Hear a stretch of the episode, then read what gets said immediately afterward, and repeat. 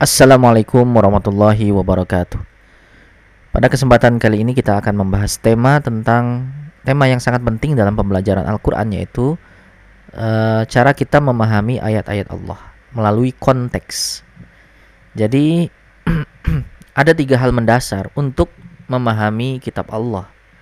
Hal pertama adalah yang Allah sebut sendiri dengan ungkapan wa kalimatullahi hiyal aliyah bahwa kalimat Allah berada di posisi tertinggi. Ketika kita berusaha menerjemahkan atau mengambil manfaat dari kalimat Allah, perlu kita sadar bahwa tidak ada yang lebih tinggi dari kalimat Allah itu sendiri. Jadi, tidak ada kalimat yang lebih tinggi dan mulia dibandingkan kalimat Allah itu sendiri. Itulah hal pertama yang harus kita tanamkan dalam diri diri kita semua ya, seorang mukmin. Hal yang kedua dan yang ketiga bisa kita gabung bahwa ada dua jenis konteks. Saya berikan contoh sederhana. Ada dua orang sahabat sedang berbincang sambil bermain game. Dan salah satunya berkata sambil bercanda, "Aku akan membunuhmu," katanya. Ungkapan tersebut tidak bisa kita anggap serius karena konteksnya adalah candaan dalam bermain game. Jadi tanpa konteks, kita tidak bisa memahami sebuah ungkapan tersebut dalam situasi apa. Jadi, arti dan makna sebuah ungkapan tidak hanya harus dari kamus, tapi juga harus berdasarkan konteks. Kadang dalam rumah tangga juga bisa terjadi ketika sang suami misalnya memberi pesan kepada istrinya, uh, meng-SMS atau memberikan WA bahwa dia akan pulang telat. Si istri menjawab dengan singkat, ada emoticon, ya, dan sang suami merasakan jawaban istrinya ini adalah bukan jawaban sesungguhnya ia bisa membaca pesan di balik pesan tersebut. Karena biasanya istrinya tidak menjawab demikian gitu.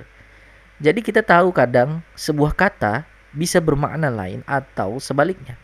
Dan makna kata itu sangat dipengaruhi oleh siapa yang berbicara, kapan dia berbicara, bagaimana dia mengungkapkannya, dalam situasi apa.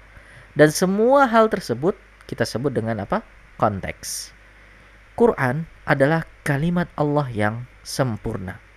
Namun, sangat berbahaya bagi saya dan Anda jika berusaha memahami kalimat Allah ini tanpa melihat konteksnya. Bisa jadi pesan sebenarnya jauh berbeda dengan yang dimaksudkan dari ayat Allah jika kita tidak memahami dengan benar konteksnya.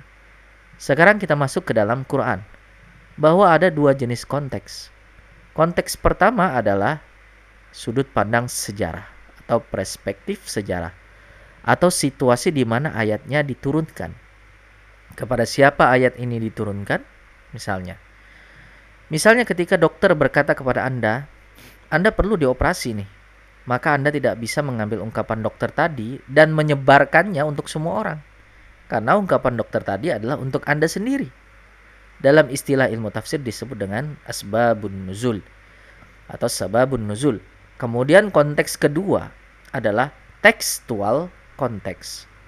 Allah memberikan kita ayat-ayatnya melalui lisan kepada Nabi Shallallahu Alaihi Wasallam sebagaimana saya memberi anda khutbah saat ini misalnya. Jika jika ada seseorang yang mengambil sebagian perkataan saya misalnya ketika saya mengatakan saya akan membunuhmu jika ia hanya merekam itu maka ia hanya mengambil sebagian dari keseluruhan tema pembicaraan. Dia bisa memanfaatkan ungkapan itu untuk sesuatu hal yang lain dalam pembicaraan ada awal, ada isi dan penutup. Jika ia hanya mengambil sebagian kecil dari pembicaraan itu, maka itu namanya sudah keluar dari tekstual konteks. Saya beri Anda contoh dari Al-Qur'an. Allah Subhanahu wa taala berfirman, "Fawailul lil musallin." Maka celakalah ya untuk orang-orang yang sholat.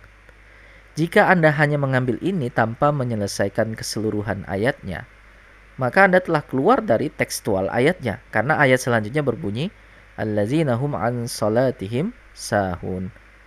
Allazina hum yura'un wa yamna'un maun jika Anda berdiri di depan komandan tertinggi militer misalnya ya sambil mengunyah permen karet dan meludahkannya di depan di depan komandan tersebut maka itu seperti halnya itu seperti melanggar protokol militer. Itu ada aturannya. Dalam hal seperti itu saja itu ada aturannya sekarang Anda bayangkan Anda berada di hadapan Allah yang tidak ada yang lebih tinggi daripada Allah Subhanahu wa taala, tidak ada yang lebih tinggi dan mulia darinya. Tentu ada protokol yang sudah diajarkan olehnya. Tentu jika orang ber, bermain-main dalam hal itu, itu itu termasuk hal yang serius. Jadi pada kesempatan ini saya akan menyampaikan tentang satu ayat di surah Al-Maidah yang saya sering mendengarkan banyak sekali disinformasi tentang ayat ini. Surah Al-Maidah adalah surah terakhir yang diberikan kepada Rasul Shallallahu Alaihi Wasallam sebelum beliau wafat. Walau secara urutan dia berada di urutan kelima, namun ia termasuk surah yang diturunkan di akhir sebelum beliau wafat. Itulah mengapa di surah ini ada ayat Al-yawma akmaltu lakum dinakum wa atmamtu alaikum ni'mati wa raditu lakumul islami dina. Wa raditu lakumul islama dina. Hari ini telah kusempurnakan bagi kalian agama kalian dan telah kusempurnakan bagi kalian nikmatku dan telah aku ridhoi Islam menjadi agama kalian. Ini ayat terakhir yang diturunkan ya. Di dalam surah ini juga Allah Subhanahu wa taala berfirman, "Ya ayyuhallazina amanu la tattakhizul yahuda wan nasara awliya. Ba'duhum awliya'u ba'd. Wa may yatawallahum minkum fa innahu minhum." Innallaha la yahdil qaumal zalimin. Sebagian sebagian orang mengambil ayat ini sebagai alasan untuk tidak berkawan dengan Yahudi dan Nasrani karena akan digolongkan sebagai golongan mereka. Namun di sini saya ingatkan kembali hal mendasar di awal. Yang pertama bahwa tidak ada yang lebih tinggi dari ayatnya. Apa yang dikatakannya adalah kebenaran tertinggi. Namun untuk menuju kebenaran tersebut kita butuh konteks.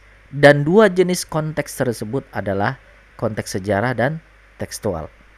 Nah, sekarang kita lihat, menurut konteks sejarah, ayat ini turun pada menjelang akhir kehidupan Nabi SAW. Makkah telah ditaklukkan dan kaum muslimin berhadapan dengan imperium Romawi yang didominasi oleh kalangan Nasrani. Bahkan mereka punya negara-negara boneka ya, negara-negara proksi yang mereka kuasai yang selalu memberi informasi kepada Romawi. Jadi dari sudut pandang geopolitik, maka hubungan ini adalah hubungan dua negara yang saling bersih tegang. Bukan hubungan diplomatik biasa. Nah, kelompok lain yang disebutkan adalah Yahudi. Kelompok yang selalu memata-matai Nabi SAW sewaktu di Madinah dan suku-suku kecil mereka itu berusaha untuk membunuh Nabi SAW beberapa kali. Jadi bersahabat dan berkawan dengan kedua kelompok ini secara politik sangat tidak dianjurkan karena khawatir banyak hal strategis yang akan dibocorkan. Secara militer, informasi strategis tentang sebuah negara itu sangat dijaga kerahasiaannya. Anda harus betul-betul menjaga arus informasi rahasia negara Anda. Sekarang kita bahas kata teman. Dalam bahasa Arab kata khalil itu juga berarti teman. Sodik itu juga teman. Hamim itu juga berarti teman. Wali itu juga berarti teman. Jadi ada banyak pilihan kata untuk teman dalam bahasa Arab. Salah satunya adalah wali. Secara teknis, kata ini tidak bermakna teman. Misalnya kata waliul amr, misalnya ya, itu adalah untuk orang yang bertanggung jawab pada suatu urusan. Atau tawallal amr, berarti dia mengambil tanggung jawab untuk urusan itu.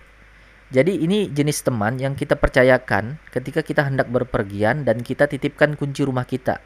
Misalnya ya kita titipkan kepada teman kita. Kita titipkan semua hal-hal yang berharga kepada teman kita. Maka itu disebut wali. Ya, karena kita sangat mempercayai dia hingga hal-hal yang berharga seperti uang, informasi akun bank Anda misalnya atau PIN ATM Anda, Anda berikan kepada teman Anda itu. Dan dia siap bertanggung jawab. Maka dia adalah wali Anda. Maka dari kedua konteks tadi, adalah sebuah kekeliruan jika Anda memiliki tetangga seorang Yahudi atau Nasrani lantas Anda tidak bertetangga dengan baik dengan dengan mereka. Tidak mau bergaul dengan mereka. Bahkan di surah yang sama Allah Subhanahu wa taala berfirman, "Wa ta'amul ladzina utul kitab hillul lakum wa ta'amukum hillul lahum." Makanan para ahlul kitab itu halal bagi kalian dan makanan kalian halal untuk mereka. Sekarang kita lihat juga konteks dari ayat ini. Kapan mereka atau kaum muslimin itu makan makanan ahlul kitab? Yaitu ketika mereka berada di rumah mereka ya kan? Kapan mereka ahlul kitab itu makan makanan kaum muslimin? Pada saat mereka datang ke rumah kaum muslimin. Jika ini kita kaitkan dengan ayat sebelumnya bahwa tidak boleh berteman dengan ahlul kitab, Lantas mengapa ada ayat, ayat ini yang mengizinkan mereka untuk makan di tempat kita dan kita makan di rumah mereka? Dari hal ini kita sadari betapa pentingnya pengetahuan tentang konteks ini bahwa Anda bisa saja menggunakan ayat Allah di luar konteks dan mendapatkan disinformasi tentang sesungguhnya yang Allah maksudkan. Kalau kita pelajari dua ayat ini maka ini selaras dengan perkataan Nabi SAW sebaik-baik kalian adalah yang terbaik dengan tetangganya.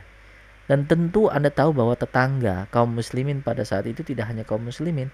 Ada di antara mereka itu para halul kitab Berapa banyak di antara mereka yang masuk Islam lantaran tetangganya seorang muslim yang baik. Karena mereka tidak diperlakukan bak musuh. Mereka sungguh sangat dimuliakan sebagai seorang tetangga. Jadi poin utama dari tema ini adalah agar kita berusaha memahami Quran dengan kehati-hatian. Kita tidak boleh tergesa-gesa menyimpulkan ayat Allah dengan berdasarkan asumsi dan pendapat yang tidak berdasar. Maka kita berusaha untuk mencari tahu dua konteks tersebut untuk lebih memahami dengan baik benar agar maksud dari ayat Allah ini dapat kita terima dengan baik. Hadanallahu wa iyyakum ajma'in. Assalamualaikum warahmatullahi wabarakatuh.